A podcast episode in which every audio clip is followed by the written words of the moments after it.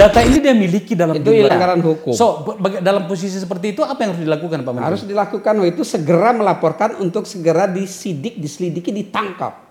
Tapi nggak pernah ada tuh. Oh itu dilakukan.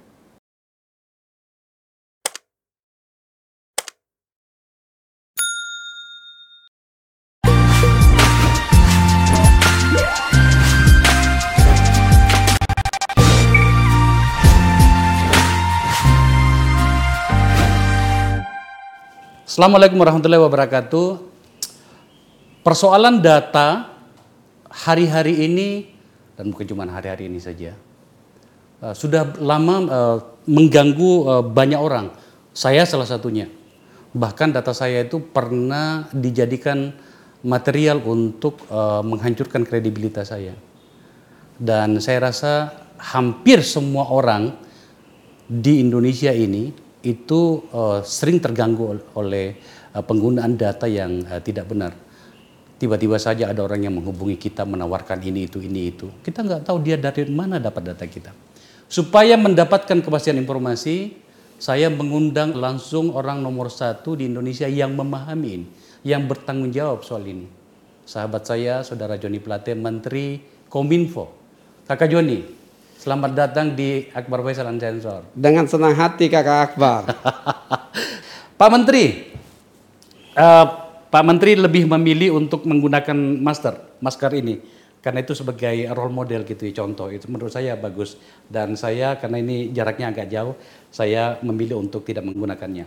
Pak Menteri, eh, seberapa jauh Anda sebagai menterinya memahami kemudian mengambil langkah-langkah baik secara perundang-undangan maupun secara tindakan langsung menyangkut dengan penggunaan data-data pribadi ini oleh orang-orang yang tidak bertanggung jawab. Ya kakak Akbar ya, masalah data ini yang sangat krusial, sangat up to date, sangat penting dan mempunyai nilai tidak saja ekonomi, tetapi eh, eh, nilai yang berhubungan langsung dengan resiliensi, ketahanan dan kedaulatan suatu bangsa.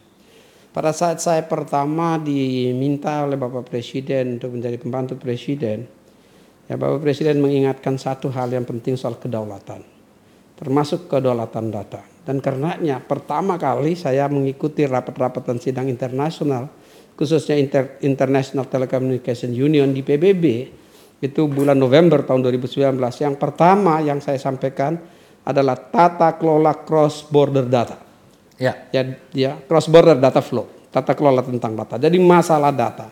Di Indonesia sendiri ya kita belum punya payung hukum yang kuat.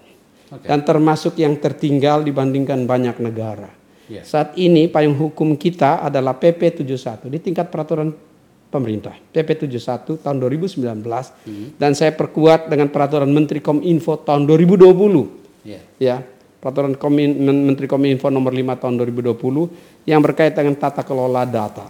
Pelindungan data. Ya, pelindungan data pribadi. Kalau PP 71 itu penyelenggara sistem elektronik. Penyelenggara sistem elektronik itu termasuk dengan penyelenggaraan data. Karena sistem elektronik itu berbasis data dan data pribadi, ya. Sehingga ya karena payung hukumnya kurang kuat, inisiatif pertama yang dilakukan oleh Kominfo adalah menyiapkan payung hukum. Oke. Payung hukumnya adalah RUU Perlindungan Data Pribadi. Itu kami memasukkannya ke parlemen tanggal 24 Januari tahun 2020. Hampir satu setengah tahun yang lalu kami masukkan ke parlemen. Dan RUU PDP ini berbasis benchmarknya adalah GDPR Uni Eropa, General Data Protection Regulation Uni Eropa. Ya dengan kekasan dan kekhususan Indonesia. Ya. Mengapa itu dilakukan? Karena memang data yang menjadi satu kekuatan suatu bangsa untuk harus kita kawal dan kita lindungi. Perbandingan perlindungan data ini Kakak Joni, Pak Menteri, kalau di Eropa itu seperti yang disampaikan Pak Menteri tadi itu mereka telah memiliki uh, regulasi tentang perlindungan data yang disebut dengan General Data Protection Regulation, RDPR. Nah, ternyata tetangga kita itu sudah punya juga ya Kakak Joni ya. Malaysia sudah ada, Tiongkok sudah ada, Jepang sudah ada. Nah, tadi disampaikan bahwa ternyata pemerintah sudah memasukkan ke parlemen. Intinya apa yang diatur di uh, aturan di yang diajukan ke parlemen? Di dalam di parlemen itu, itu dia mengacu kepada GDPR Uni Eropa. Oke. Jadi di situ ada klasifikasi data, data umum dan data spesifik. Hmm. Ya data umum ya terkait dengan nama, alamat, ya tanggal lahir dan seterusnya. Sedangkan data spesifik itu terkait dengan medical record, catatan kesehatan yang lebih dalam catatan keuangan dan catat-catat termasuk di dalam misalnya eh, eh, kecenderungan seksual dan lain sebagainya itu data pribadi yang sangat spesifik. Dan tata kelola terkait dengan data yang paling penting adalah apa? Pengelola, pengendali dan pemroses data itu terlebih dahulu harus mendapat persetujuan ya consent dari pemilik data. Saat ini itu belum diatur. Karena itu belum diatur, maka pengendali data dan pemrosesan data bisa menggunakan data tanpa payung hukum yang kuat. Nah, sekarang ini itu yang mengakibatkan terjadinya kebocoran-kebocoran data di Indonesia yang diperdagangkan. Pak Menteri, sampai situ dulu. Artinya kalau begitu keadaannya, sebelum diundang-undangkan apa yang Anda berikan kepada DPR untuk di, diratifikasi itu, di, diundang-undangkan, berarti pelanggaran-pelanggaran data yang ada sekarang karena hanya diatur oleh aturan-aturan yang umum iya. seperti undang-undang pidana karena iya. ada ada tiga lembaga di situ kakak ya terkait okay. dengan tata kelola data ini ada tiga lembaga lembaga yang pertama adalah kominfonya sendiri okay. yang melakukan pengawasan pengelolaan pemeriksaan pengendalian hmm. data terhadap penyelenggara data ya ya penyelenggara data pribadi yaitu uh, uh, uh, apa namanya baik itu perorangan, badan hukum maupun institusi publik. Oke. Okay. Ya. Yang kedua, pengelola data itu yang memastikan security keamanan datanya adalah BSSN. Nah, karena pengelola data harus dengan teknologi security yang tinggi. Okay. Ya.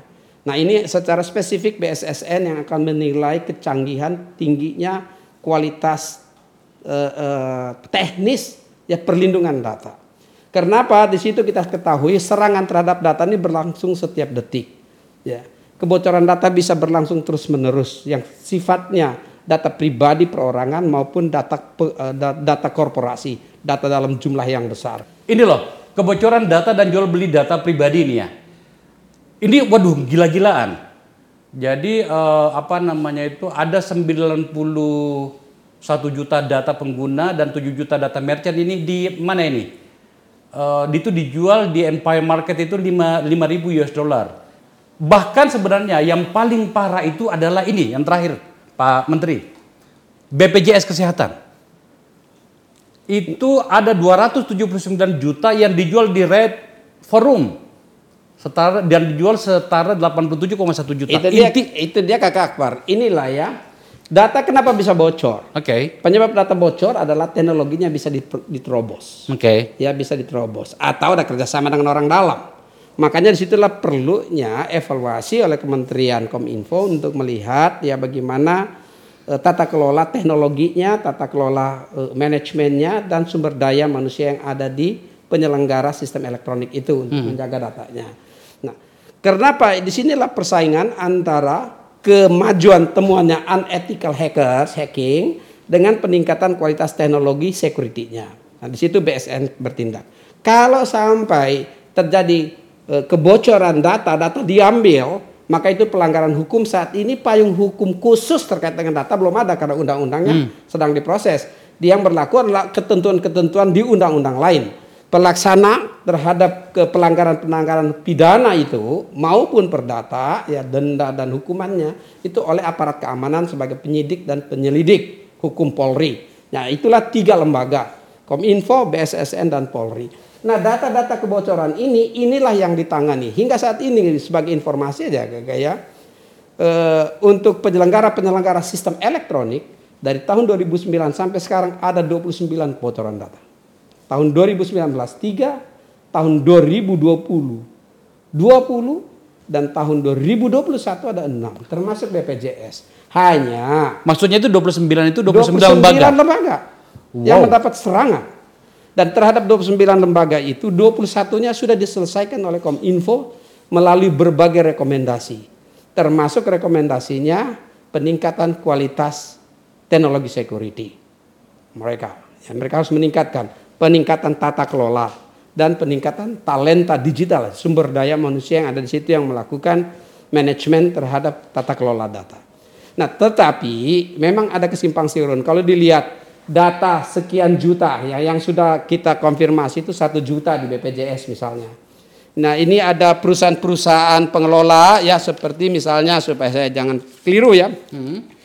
Bayfiles, Mega.nz dan uh, anonfiles.com itu kita langsung melakukan pemutusan akses terhadap mereka agar datanya tidak berlanjut. Itu sebenarnya ya. itu perusahaan atau apa itu? Itu mereka menggunakan uh, uh, apa namanya aplikasi. Mereka menggunakan aplikasi yang menggunakan uh, tautan yang mengunduh data pribadi.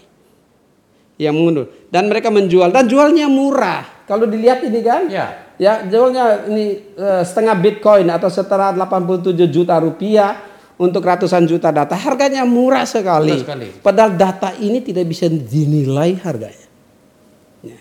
Tidak bisa dinilai. Karenanya maka kita butuh ya legislasi primer yang melakukan perlindungan terhadap data pribadi masyarakat. Ya, kita butuh dengan semua sanksinya. Mengapa kakak? Karena data pribadi ini adalah masa depan suatu bangsa dan resiliensi suatu bangsa di samping keekonomiannya. Kalau gini, Pak Menteri, kalau kemudian pelakunya adalah lembaga atau pihak yang memang apa itu namanya itu melakukan itu karena ada niat jahat, itu kan bisa kita basmi dengan pendekatan hukum. Ya.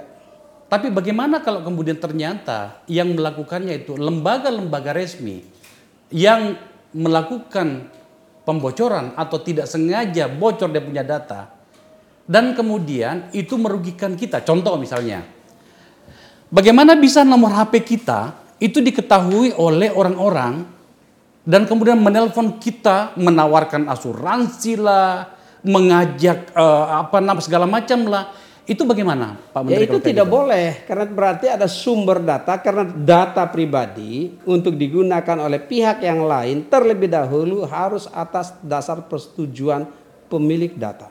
Ya, specific consent. Langsung dia memberikan consent boleh apa tidak. Baik transfer ke terhadap di dalam negeri apalagi kalau cross border. Ya, setiap kali perpindahan data dari satu penyelenggara pemrosesan data ke pemrosesan yang lain harus ada syaratnya. Ya, ada syarat dengan kualifikasi yang sama. Dari negara yang satu ke negara yang lain ada syaratnya. Payung hukum dan kekuatan teknologinya harus sama. Kalau di luar itu berarti ada ilegal transfer data. Ilegal transfer data ini tidak boleh. Misalnya ya data yang berhubungan dengan uh, uh, uh, telepon kita, yeah. data pribadi. Ya. Itu kan personal Atau banget. data personal banget. Yeah. Itu diketahui. Dan itu harus segera dilaporkan. ya Dan harus segera ditangani. Ditangkap orangnya. Tapi saya nggak pernah dengar tuh. Kalau kalau tidak dilaporkan kan tidak ada yang tahu. Jadi harus dilaporkan. Tetapi kalau dilakukan oleh penyelenggara sistem elektronik, dia harus tahu ada kebocoran data. Begitu dia tahu ada kebocoran data, dia punya kewajiban melaporkan. Seperti sebagaimana contoh BPJS yang baru-baru saat ini. Okay. BPJS itu mempunyai kewajiban untuk melaporkan ke Kominfo ada kebocoran data. Dan untuk itu Kominfo pergi memeriksanya.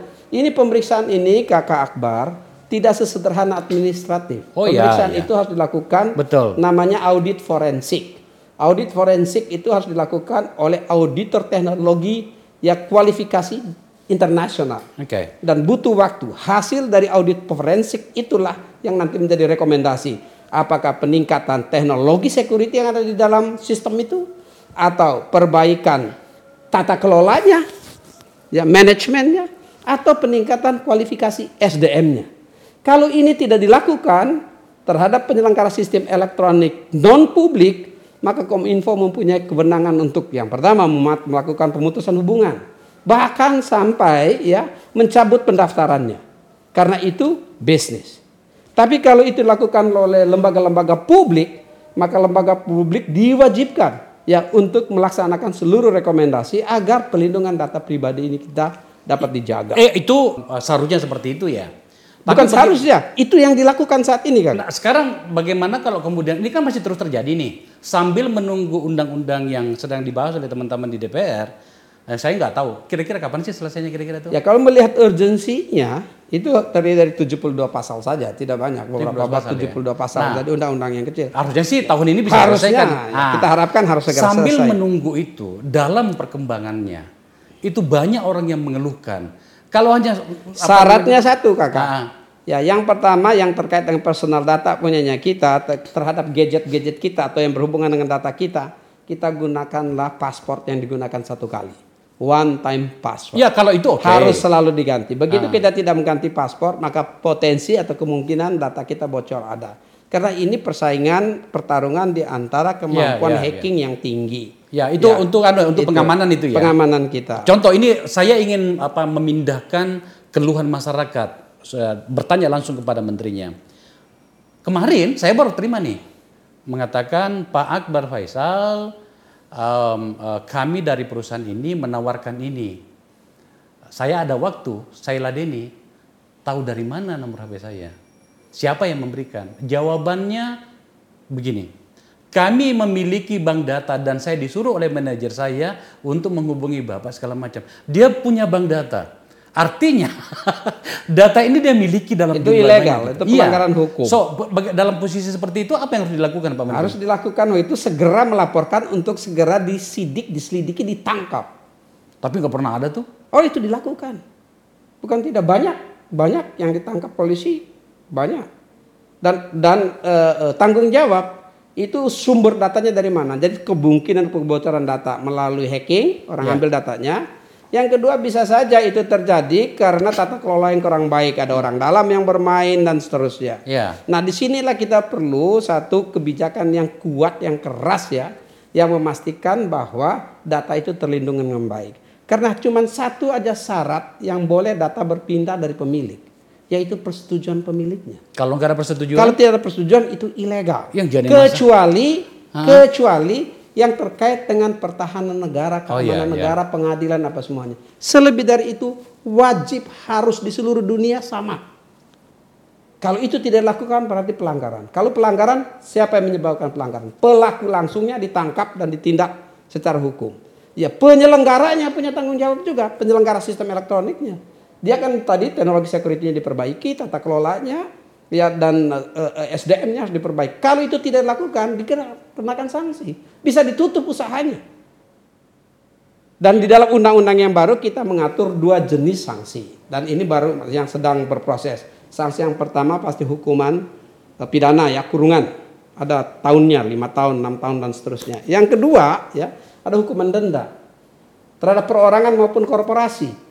Ya terhadap korporasi ada hukuman denda. Orang kan masuk penjara dihukum ya dia masuk dia. Kalau suruh bayar, nah ini yang jadi persoalan. Ya. Makanya sekarang kita introduce dua. Yang tadi Pak Menteri bilang 29 kebocoran data sepanjang dua tahun terakhir ini ya. 2019, 2020, Iya. 2021. Oke.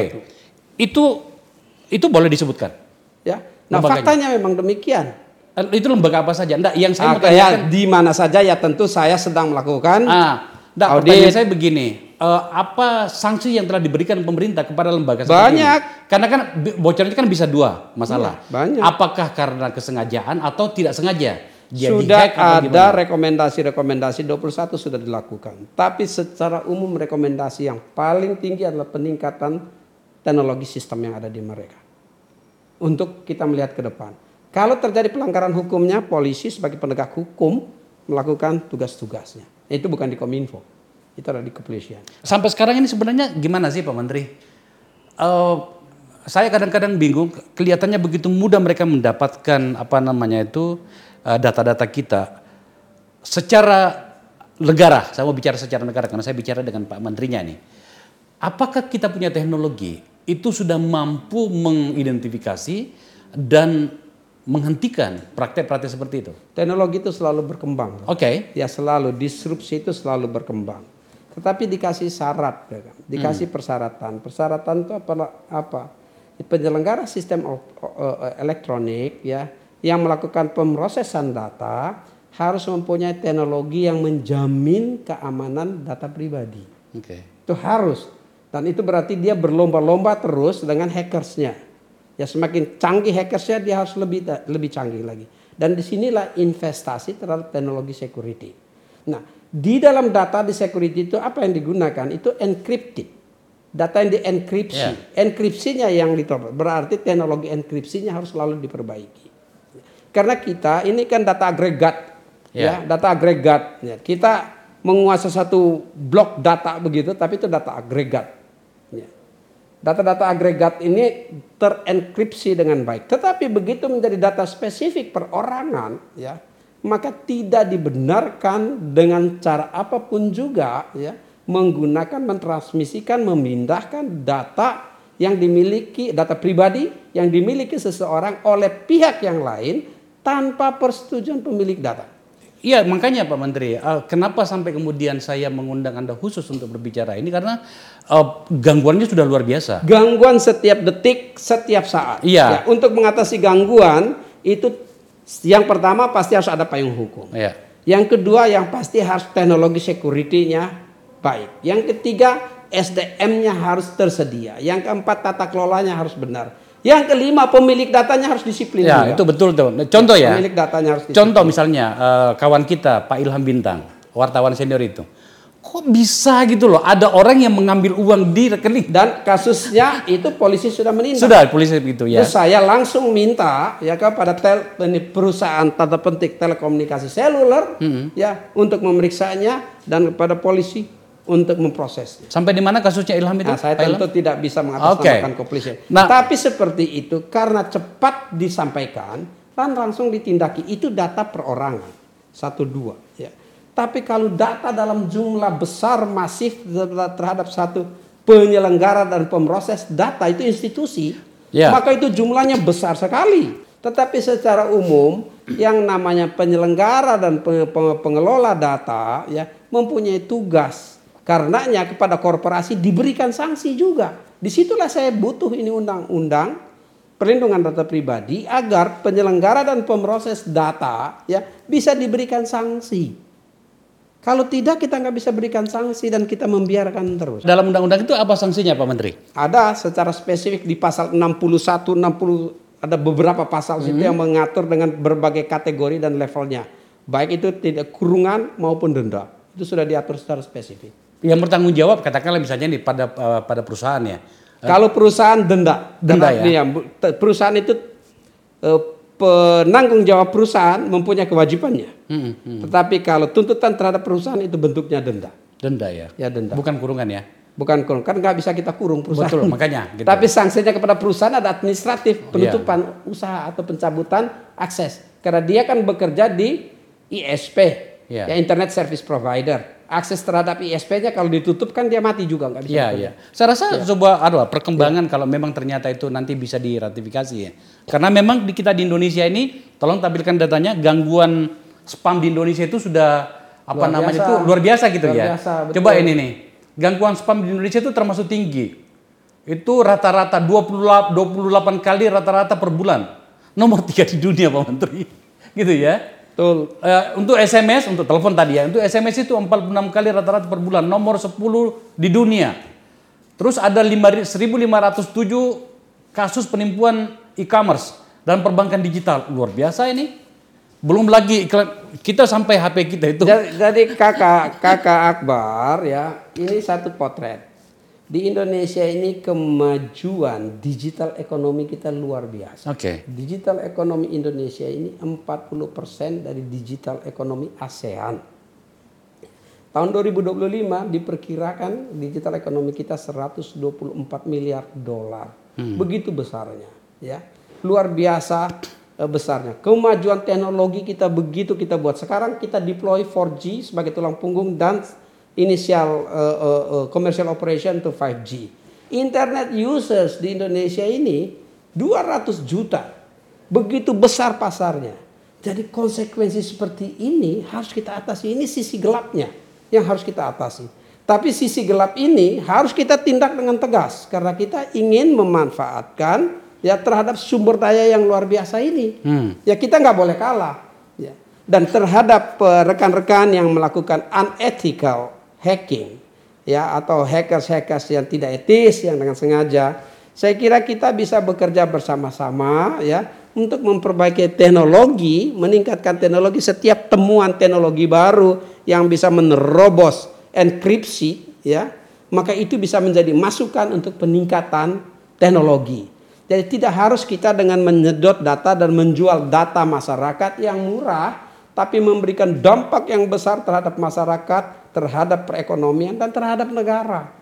Hmm. Ya, kalau kita lihat dari harganya saja 80 90 juta itu kecil. Tapi kalau dampaknya itu kedaulatan negara, ketahanan negara, ya eh, masa depan bangsa. Sampai di mana sih Pak Menteri menyangkut dengan pembangunan infrastruktur uh, teknologi informasi dan komunikasi kita? Teknologi informasi kita saat ini sedang menyelesaikan untuk uh, mendeploy apa namanya? infrastruktur TIK sebagai tulang punggung transformasi digital 4G. Ya saat ini e, untuk pertama kalinya tahun 2021 ini yeah. Kominfo akan membangun di wilayah-wilayah non 3T seluruhnya. Hmm. Ya seluruh desa dan kelurahan di wilayah 3T akan dihadirkan sinyal 4G pada tahun 2022. 4G ya. Dan di wilayah non 3T ada sekitar 3.345 desa dan kelurahan yang juga masih blank spot. Uh, itu operator seluler. 5G. Kita kira-kira kapan bisa diaplikasi di di Indonesia? Nah, 5G ini agak berbeda sedikit ya. Kalau 4G kita jadikan sebagai tulang punggung transformasi digital yang harus menjangkau seluruh wilayah tanah air, tapi kita juga melihat ada disrupsi teknologi dengan hadirnya 5G. Hadirnya 5G ini nggak bisa kita tinggal. Kita juga harus mempersiapkan untuk 5G di wilayah tertentu karena 5G ini tanda petik dia sebagai revolusi telekomunikasi. Ya, ya. ya. Sehingga ke dalam melakukan 5G kita mengambil keputusan untuk menyiapkan spektrum melakukan uji kelayakan pembangunan infrastruktur 5G ya dan melakukan uji coba. Sudah 12 kali uji coba 5G di Indonesia dan semuanya berhasil terakhir tanggal 27 Mei yang lalu kami saya menerbitkan eh, surat izin eh, layak operasi ya SKLO layak operasi atas eh, kepada Telkomsel untuk memulai ya memulai operasi komersial 5G. Tadi baru saja saya kembali dari eh, konferensi pers perusahaan seluler kedua Indosat juga kita berikan sertifikat sebagai penyelenggara eh, eh, telekomunikasi 5G di Indonesia yang akan membangun secara Eh, bertahap ya di wilayah-wilayah yang dari sisi ekosistem telah memenuhi syarat. Sebagai contoh kakak ya, untuk yang uh, Telkomsel akan membangun di sembilan kota di Indonesia. Saat ini sedang dibangun, sudah beroperasi. Sembilan kota? Sembilan. Apa saja? Jabodetabek, okay. ya, uh, Medan, okay. Batam, mm -hmm. Bandung, mm -hmm. Solo, okay. Surabaya, Denpasar, Makassar dan Balikpapan. Oke. Okay. Balikpapan karena persiapan Telkomsel. Oke. Okay. Lalu uh, Indosat, Indosat baru saja saya tadi uh, rilis ya. Mereka akan membangun di Jakarta, DKI, bukan Jabodetabek hmm. tapi di DKI. Ya uh, Makassar, Surabaya, Solo sama Bandung.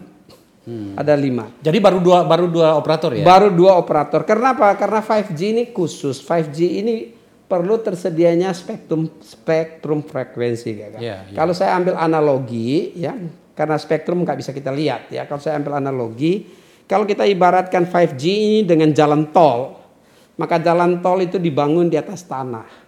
Kita perlu membebaskan tanah supaya bisa membangun jalan tol. Yeah. Demikian halnya 5G. Untuk bisa membangun 5G, kita perlu spektrum.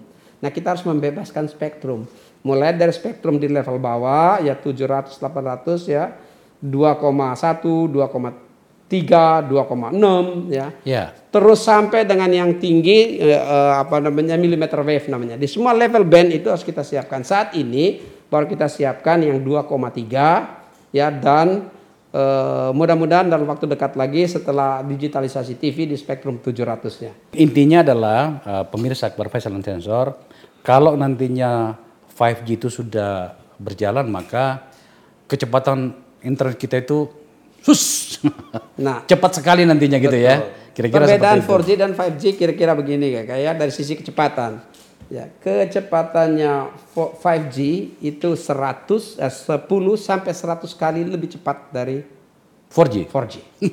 Latensinya juga sangat rendah. Jadi seperti yang kita ngomong begini langsung. Ah. Nah, itu untuk komunikasi. Belum lagi untuk robotik. Ya, misalnya eh, tambang-tambang bawah tanah ya tidak perlu lagi dikendarain oleh orang. Kalau kendarain oleh manusia terjadi eh, longsoran bawah tanah bisa mati kita. Hmm. Ya di tambang-tambang. Nah, dari atas saja. Remote Robotik. control. Bekerja nantinya. Bekerja. Jadi mesin saja alat berat yang bekerja di dalam di bawah tanah. Oke, berarti sudah ada dua operator di sembilan kota Telkomsel, beberapa kota Indosat. Kira-kira secara nasional itu kapan bisa uh, dinikmati oleh seluruh rakyat Indonesia, nah, ini Pak yang Menteri? menarik kakak, karena berbeda dengan 4G yang kita bisa bangun BTS-nya ke seluruh Indonesia. Hmm. Kalau 5G ini dia microcell, ya teknologinya lebih mahal, lebih banyak teknologinya itu, sehingga dia bangun berdasarkan ekosistem. Oke. Ya, karena dia berdasarkan ekosistem, kita harapkan ekosistem yang matang ini kita bisa deploy dalam lima tahun ke depan sudah masif. Karenanya setiap lisensi spektrum yang kita berikan tentu dengan persyaratan bahwa kalau mendapat spektrum harus membangun infrastrukturnya. Nah ini yang sedang kami bicarakan, ini baru inisial inve- investasi komersial pertama kan. Nah setelah ini kita harapkan di wilayah-wilayah eh, eh, kota dengan ekosistem yang kuat, misalnya ya di wilayah kota untuk perbankan, ya untuk pasar-pasar, untuk UMKM, untuk macam-macam itu sudah harus bisa bisa eh, dilakukan agar dia tidak saja untuk komunikasi perorangan, tapi dia untuk membantu yang menghadirkan digital ekonomi yang lebih cepat. Dalam hitungan Anda di kementerian di apa Kominfo, kalau kemudian eh, 5G itu sudah apa jalan ya, itu percepatan ekonomi yang bisa kita capai itu berapa Pak Menteri? Ya dia harus bisa menghasilkan 4% dari GDP nasional 4 persen. ya additional tambahan terhadap GDP nasional. Yang ada hari ini ada Ya. tambahan 4 persen. Setiap tahun dia bertambah 4%. Wow. Menghasilkan tenaga, tenaga kerja jutaan tenaga kerja Iya. hasilkan. Dalam hal pertumbuhan pun kalau hari ini kita apa empat empotan maksimal kita bisa dapat empat lima Dia empat lima. minimum harus memberikan kontribusi satu persen ya 1% ya. terhadap GDP. Saya kenapa menanyakan ini Pak Menteri? Saya tiba-tiba teringat tujuh tahun yang lalu. Di bidang saya lah infrastruktur teknologi informasi dan komunikasi itu di tim transisi dibangun. Saya tidak sedang menagih pemerintahan Pak Jokowi karena itu juga pemerintahan yang saya dukung. Tapi tidak apa-apa sebagai kepada penonton ini masih ada dokumennya nih saya simpan nih. Ini kan. Apa yang waktu itu kakak Nah, janjikan? Ceritakan pada saya. Ya, jadi uh, yang pertama itu saya harus buka lagi Ya. file ya. Jadi pertama itu target eh, yang harus dilakukan setidaknya pada 2014-2019 itu adalah bandwidth untuk rakyat 1 GB per kapita per bulan. Itu waktu itu. Yang kedua, ah, ini menyangkut dengan data ini loh. Integrasi aplikasi e-government ke dalam master data nasional dan bandwidth pemerintah. Kemudian uh, pemanfaatan satelit pemerintah multifungsi. Saya akan bertanya itu nantinya soal itu nantinya. Karena Anda kan baru meluncurkan sebuah satelit. Itu semuanya saya sudah jawab sebetulnya. Nah, oke, yang keempat melalui melalui kebijakan kebijakan. Ya, yang keempat adalah penataan kembali frekuensi telekomunikasi dan media. Yang kelima, pusat-pusat industri kreatif berbasis TIK, SDM TIK yang berdaya saing. TIK itu adalah um, teknologi, Teknologi informasi, dan, informasi dan komunikasi. komunikasi. Yang keenam, konsumen terlindungi, kepastian berusaha da- dan pelayanan rakyat berbasis TIK. Makanya saya tanya tadi seperti itu. Yang terakhir adalah kemandirian industri TIK. Pak Menteri, eh, saya tidak lagi mengikuti secara detail apa yang dilakukan ke, apa pemerintah Pak Jokowi menyangkut ini. Tapi dari penjelasan Anda tadi tampaknya sudah beberapa yang dilakukan ya. Kita men- lakukan kalau saya boleh beberapa ya tadi yang pertama apa tadi Kak? eh, apa bandwidth untuk rakyat 1 GB. Nah, saat ini kita membangun deploy 4G ke seluruh Indonesia Oke. ya. Yang kita harapkan bahwa dengan tersedianya kapasitas eh, eh, BTS ya, tersedia infrastruktur BTS, maka setiap rakyat akan terlayani dengan kecepatan 4G. Ya. Di saat yang bersamaan, saat ini Indonesia Indonesia secara keseluruhan menggunakan 9 satelit untuk akses internet. Kominfo sendiri memanfaatkan 5 satelit ya. Satu nasional, empat asing untuk mengisi kebutuhan eh, kapasitas band apa namanya eh, satelit ya untuk ke akses internet bagi titik-titik layanan publik. Ya. Kami sudah, saya sudah uh, financial close ya untuk satelit Satria 1. Ya, ya. Ya satelit Satria 1 itu kapasitasnya 150 gigabit per second. Itu salah satu atau satelit terbesar kelima di dunia yang akan nanti digunakan untuk 150 ribu titik layanan publik dari 501 ribu titik layanan publik saat ini yang ada. Nah dengan demikian setidaknya satu setiap titik itu bisa dilayani akses internetnya 1 megabit per second. Ya. Tetapi dengan hadirnya penggelaran fiber optik, ya pembangunan middle miles melalui microwave link, ya lalu membangun last mile-nya BTS, BTS setengah juta BTS Kominfo bangun ditambah Kominfo untuk wilayah 3T 9100 ya dan uh, operator seluler 3500 maka tahun 2022 seluruh desa dan kelurahan ini akan terlayani 4G. 2022. Maka 22. Maka janjinya Kakak Akbar di sisi itu selesai. Electronic government. Yeah. Saat ini saya sedang menyiapkan pusat data nasional Ya, Pusat Data Nasional TIR 4 ini pemerintah ya dalam rangka mendukung electronic government. Sudah TIR 4 ya? Ya, TIR, TIR 4, 4 dengan okay. kapasitas 72 petabytes. Ya. Prosesor 42.000 cores yang akan melayani uh, electronic government Indonesia. Saat ini sedang saya siapkan lelangnya. Itu berarti untuk mendukung SPBE apa namanya PSBE ya, pemerintahan berbasis sistem elektronik itu bisa kita sudah siapkan. Ini untuk apa juga? Ini dalam rangka menghasilkan satu data nasional. Sehingga nanti Kominfo di pusat data nasional yang dikelola oleh Kominfo maka bisa kita lakukan interoperabilitas data untuk menghasilkan satu data. Sebagai informasi aja untuk kakak Akbar, per saat ini pemerintah ini menggunakan 2.700 pusat data dan server. Dan hanya 3% yang memenuhi standar global di situlah memang kesulitan. Kominfo ya, ya, berusaha ya. sekali. Ini ada di pemerintah daerah masing-masing mempunyai pusat ya, data. Ya, ya, betul. Nah, betul. kita harus mempersatukan semuanya di satu pusat data nasional. Dengan demikian kita harapkan nanti uh, uh, penyelenggaraan pemerintahan berbasis satu data itu, itu kapan lebih kapan anunya Pak Menteri? Kapan kira-kira itu Tahun bisa? 2023 selesai juga. Apakah itu berarti bahwa kita Untuk sudah pemerintah ya, pusat data pemerintah. Oh, oke. Okay. Makanya pemerintah. maksud saya pertanyaan saya begini Apakah itu berarti bahwa 2023 kita sudah akan memiliki single identity number? Kalau single ID number itu ada di Kementerian Dalam Negeri, ya. Tetapi pada saat nanti pemerintahan berbasis sistem elektronik, penyelenggaraan tata kelola pemerintahan sudah berbasis satu data. Itu dia. Ya. Kan sedangkan data penduduk itu ada, ini kan kalau single identity number itu data penduduk. Kalau data penduduk, wali datanya adalah Kementerian Dalam Negeri. Nah, di situ tentu Kementerian Dalam Negeri yang harus mengatur. Iya. Sedangkan di Kominfo, data itu di mirror ke pusat data nasional. Iya. Kenapa begitu ya? Karena uh, saya kebetulan terlibat dulu ketika kita apa namanya itu membahas uh, apa undang-undang tentang uh, pemilu segala macam yang di mana soal data ini menjadi problem. Betul. Di Indonesia satu orang rakyat Indonesia saya misalnya atau Pak Menteri itu memiliki data sampai 28 data. Telkom mengeluarkan data, asuransi mencatat data, perbankan punya data sendiri, segala macam.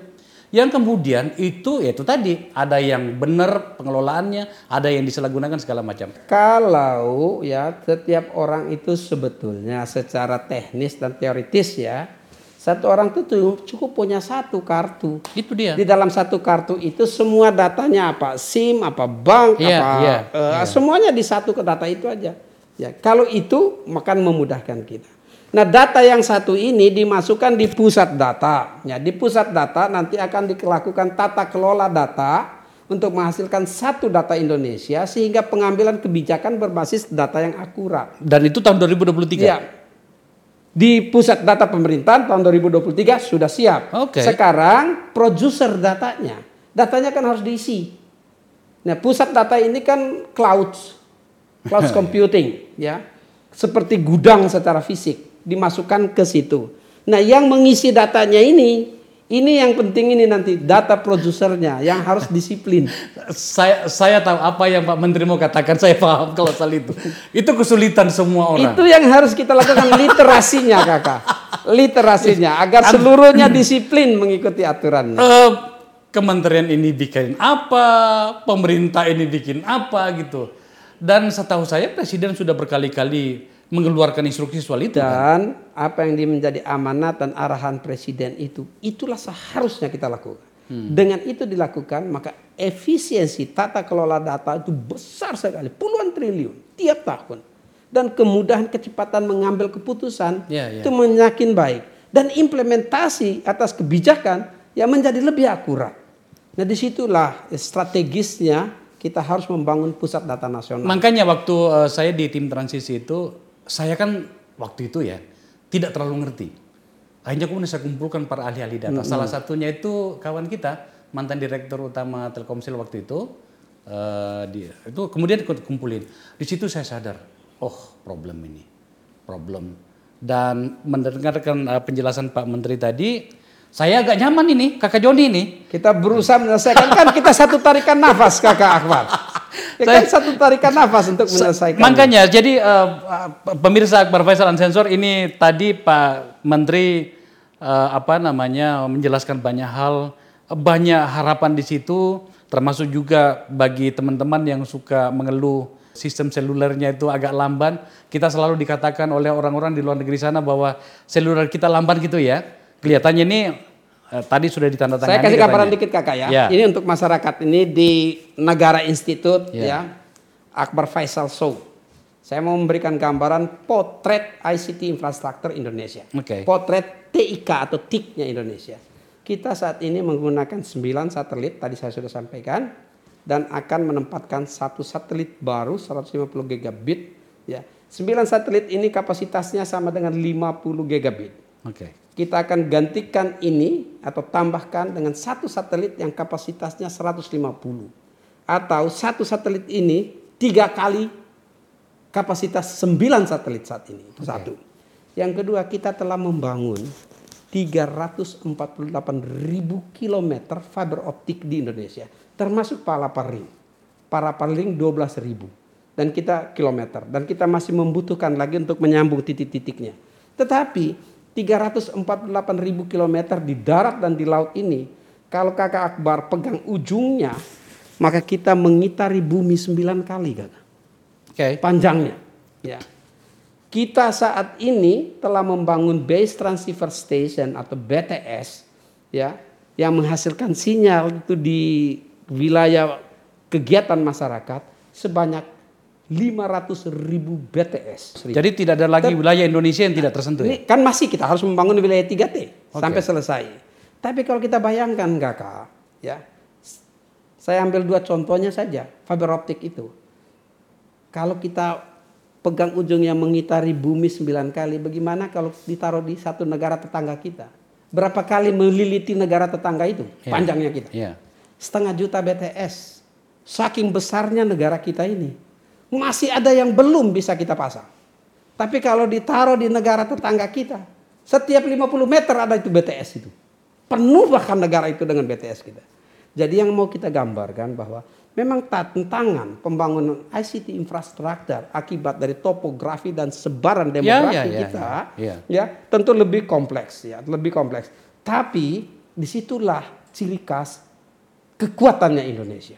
Negara ini negara yang sangat besar, potensinya yang luar biasa. Kita me- melewati Ya. lembah, ngarai, sungai, gunung, mendaki, menuruni lembah, ya, menyeberangi selat dan laut untuk apa? Untuk kejayaan negeri kita. Kita Ja- tidak boleh mundur dari situ. Jangan khawatir Pak Menteri, Iya. Pak Kakak Joni sahabat saya, kita akan berikan dukungannya karena em, banyak orang yang tidak sadar bahwa semua orang itu hanya fokus pada infrastruktur eh, darat atau apa yang bisa dilihat gitu ya, jalan, jembatan segala macam. Orang tidak sadar bahwa infrastruktur TIK ini Di laut pun. itu luar Di biasa laut pun. sebenarnya dan itu adalah tugasnya kakak Joni. Jangan khawatir kakak Joni, saya akan memberikan dukungan. Satu-satunya yang sering mengganggu kita, kenapa sampai kita angkat tema ini adalah kapan kita bisa bebas dari gangguan akibat kebocoran data itu. Nah, kita tunggu dari teman-teman DPR. Jadi teman-teman yang ada di DPR segera selesaikan. Pak Menterinya sudah siap untuk action ini. Jangan sampai terlambat dan mudah-mudahan tahun ini Kakak Joni ya. Kita harapkan ini sangat urgent, ini terkait dengan tata kelola data nasional kita. Dan RUU itu, undang-undang itu GDPR Indonesia ini, RUU PDP, undang-undang PDP ini adalah juga basis untuk kita ya bernegosiasi dan berkomunikasi dengan masyarakat atau dunia internasional dengan negara-negara yang akan menjadi mitra kita yang harus mempunyai payung hukum yang sama tingginya agar kita bisa melakukan relasi hubungan di berbagai aspek termasuk bidang ekonomi. Nah, kalau kita belum punya dan kita dianggap sebagai negara dengan pelindungan data yang lemah, maka negara-negara yang lain tentu tidak ingin. Ya. Atau dia senang, Kakak. Kenapa dia senang? Karena kita lemah. Ya. Nah, di sinilah pentingnya kita menjaga agar undang-undang kita ini mampu untuk menjaga kedaulatan, perlindungan terhadap hak-hak masyarakat dan dikelola oleh baik oleh pemerintah. Karena ada banyak juga yang menginginkan kita tidak mampu mengelolanya. Ya, ada satu pertanyaan yang hampir saya lupakan tadi. Uh, di beberapa negara maju itu, pemerintah itu bahkan mengambil langkah yang agak ekstrim. Bekerja sama atau mengajak atau membina, apa pun pengistilahannya, para apa itu namanya hacker-hacker hebat itu untuk menghadapi para penjahat-penjahat uh, apa namanya itu yang biasa mencuri data itu. Apakah pemerintah kita sudah melakukan itu? Nah, itu yang selalu saya sampaikan. Ya terhadap warga masyarakat Indonesia yang mempunyai keahlian di bidang yang sangat khusus encrypted itu hmm. enkripsi, teknologi enkripsi, marilah kita gunakan kemampuan kita untuk memperkuat kita. Enggak, secara kelembagaan pemerintah aja enggak? Ya. Kan tidak bisa kita sebutkan kalau misalnya unethical dan illegal hacking kan tidak boleh. Oke. Okay. Tapi keahliannya bisa bermanfaat. Untuk itu marilah kita gunakan untuk hal yang bermanfaat. Hmm. Karena itu keahlian. Makanya saya terhadap rekan-rekan ada keahlian itu, mari keahlian itu kita gunakan untuk meningkatkan kemampuan kita. Karena apa? Kalau keahlian yang dimiliki digunakan secara tidak sengaja, oleh kepentingan-kepentingan bangsa-bangsa lain yang dirugikan kita sebagai bangsa. Karena yang sering kan kita baca itu bahwa ada banyak anak-anak terutama anak-anak muda kita ya yang sangat jago pada coding atau uh, Nah, kalau itu lain lagi Kakak. Itu bisa diajak ya, sekalian. Kalau itu ya, maka Kominfo justru Indonesia membutuhkan 15 juta digital talent ya. 9 eh, juta digital talent dalam 15 tahun ke depan.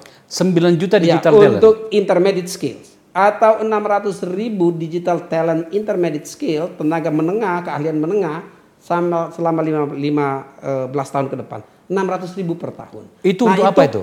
Itu untuk apa? Keahlian coding. Tadi disampaikan coding, artificial intelligence, cloud computing, big data, artificial intelligence, apa virtual reality, augmented reality dan lain sebagainya. Yang Kominfo pun melakukan pelatihan 100 ribu per tahun untuk menghasilkan kemampuan itu. Kenapa? Karena kita harus melakukan yang menguasai hilirisasi dari digital ekonomi kita. Kalian itu kita butuhkan. Ya. Kita harus menguasai ekonomi digital kita. Hmm, hmm. Ya. Kita harus mempunyai keahlian itu. Kita akan membangun smart city, hmm. kota cerdas. Ya. Di kota cerdas itu ada smart city, ada yang namanya smart apa namanya uh, uh, electronic government, uh, electronic environmental, electronic ekonominya, elektronik health, elektronik education, ini kan perlu tenaga ahli semuanya. Ya tapi ya. ini saya mau kasih informasi juga nih Pak Menteri ini. Kebetulan saya nggak paham loh. kabupaten kabupaten-kabupaten kita, kota-kota kita di Indonesia itu itu anu loh, belum menganggap bahwa apa eh, smart city itu sesuatu yang itu dia makanya loh. saya sampaikan di acaranya kakak ini Kominfo mempunyai program untuk memberikan asistensi membangun smart city kita membangun infrastruktur TIK besar-besaran di situ. Tentu kita berharap pemerintah daerahnya juga membangun smart city dan Kominfo memberikan asistensinya. Saya baru saja bulan yang lalu menandatangani 48 smart city dengan 48 bupati dan wali kota. Oke. Okay. Ya, untuk apa? Untuk menghasilkan 100 smart city kita. Kita ini ada 514 kabupaten kota. Sekarang ini baru berapa kota? Ya 100. Nah saya sudah tambah 48 dan setiap tahun harus bertambah terus karena ini penting. Oke. Okay. Ini penting sekali. Dan di sinilah butuh juga tenaga ahli. Kita harus uh, uh, uh, ada tiga level pelatihan oleh Kominfo kakak Par ini tambah sedikit ya. Yeah. Karena tidak saja kita membangun infrastruktur TIK, kita juga harus membangun SDM digital. Nah, ada tiga level SDM digital. Level yang pertama namanya Gerakan Nasional Literasi Digital Tingkat Dasar. Tahun ini, tahun pertama, Gerakan Nasional Literasi Digital ini melibatkan 12,5 juta orang kakak. Ini pekerjaan besar ini. Di 514 kabupaten, kota, di 34 provinsi. Sudah saya rilis 20 Mei yang lalu dibuka bersama Bapak Presiden. Dan setiap tahunnya kita akan lakukan sejumlah itu. Yang kedua tadi ya untuk tingkat menengah. Uh, Digital Talent Scholarship, sorry, DTS ya. Ini 100 ribu anak-anak untuk anak-anak kita milenial tamatan SMA dan para sarjana yang tadi kurikulum saya sampaikan untuk cloud computing dan seterusnya. Dan yang ketiga, Digital Leadership Academy, DLA. Ini untuk mendukung smart city. Nah, kita menyediakan 300 orang untuk menghasilkan master mentor ya suhu-suhu digital di kabupaten-kabupaten agar apa bisa membangun smart city. Yeah. Nah, ini kita lakukan hanya tentu ya mungkin kurang promosinya jadi tidak diketahui, tapi kegiatannya berjalan dengan secara masif. Ya, baru-baru saja pecara korde, mungkin Kakak Akbar belum tahu, saya informasikan. Tanggal 20 Mei yang lalu Zoom meeting Indonesia terbesar hmm. melibatkan 380 ribu peserta di satu rapat. Kami bikin di basket hall di situ. Jadi ada dua screen yang sangat besar, 380 ribu peserta Zoom meeting, kakak. Besar sekali. Besar sekali. Dan itu menjangkau 514 kabupaten kota. Kenapa itu dilakukan? Ya, karena kita mau membangun gerakan nasional literasi digital. Oke. Okay dan itu pecah rekor dari Muri. Ah, okay. Ada dua yang sebesar itu di dunia. Satu itu, yang kedua ada di Bangkok, okay. Thailand. Nah kita mencoba mengisi ruang digital kita secara sungguh-sungguh. Luar biasa. Sejak awal memang kita programkan ya. Itu kan program ya. kakak Akbar dulu toh. Saya menerjemahkannya kan begitu. Baik, luar biasa Pak Menteri. Terima kasih ya.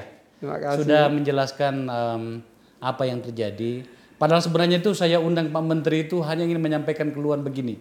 Kenapa kok ini data orang ini bocor sampai jutaan data itu bisa bocor? Oh ternyata jawabannya sudah diberikan dan kita tunggu payung hukumnya. Semoga saja segera selesai dan tidak perlu ada lagi seperti ini. Kalau sudah undang itu sudah jadi nantinya masih ada yang membocorkannya, pidanakan. Setidaknya dia bayar denda kira-kira gitu. Sekali lagi uh, kakak Joni Plate, sahabatku, Menteri Informasi dan Komunikasi. Terima kasih atas kehadirannya menjelaskan. Terima kasih, salam sehat dan jangan lupa 3M. Memakai masker, menjaga jarak ya. dan mencuci tangan pakai Jadi sabun. beliau tidak atau tidak membuka maskernya karena itu luar biasa gitu. Saya membukanya karena jarak sudah kita jaga.